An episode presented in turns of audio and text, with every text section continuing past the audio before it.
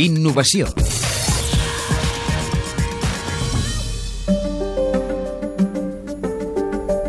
El càncer de colon i recte és la segona causa de mort per càncer i és el que afecta més població a Espanya.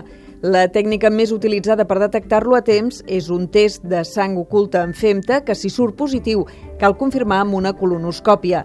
Xavier Aldeguer és cap del Servei de Digestologia de l'Hospital Josep Trueta. mirar les caques dels pacients si hi ha restes de sang. També ho podem veure en un moment determinat en gent que té hemorroides. Eh? És a dir, que per tant, això es tradueix en el fet de que estem fent de tres colonoscòpies, dues no serien necessàries.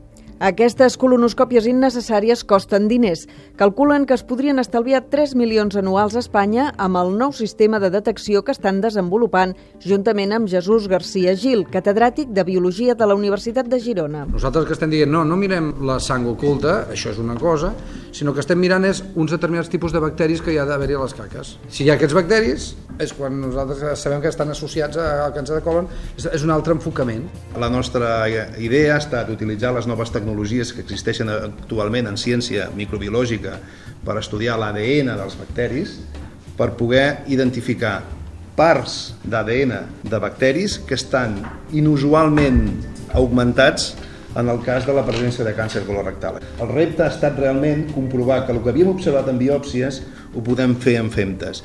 Per què en femtes? Perquè en femtes podem fer una eina diagnòstica no invasiva. Tothom és capaç d'agafar eh, una mostra de les seves deposicions i portar-les al laboratori.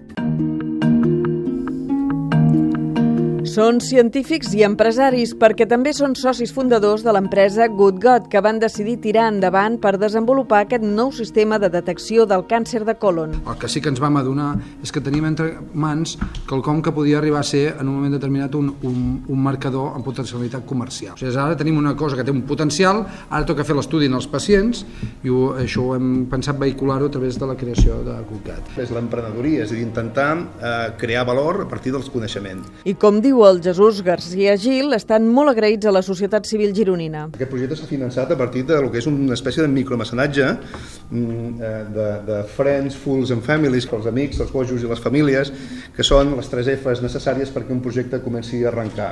I segons el Xavier Aldeguer, en aquest cas, com en d'altres, l'objectiu ha de ser tornar la inversió a la societat. Catalunya és bona en recerca biomèdica, però no som tan bons encara en transferència tecnològica. Crec que l'objectiu final per molts de vosaltres, molts dels contribuents que han posat diners perquè la recerca es pugui sostenir, és que d'alguna manera després això hi hagi una transferència tecnològica, que això tingui una traducció en economia productiva.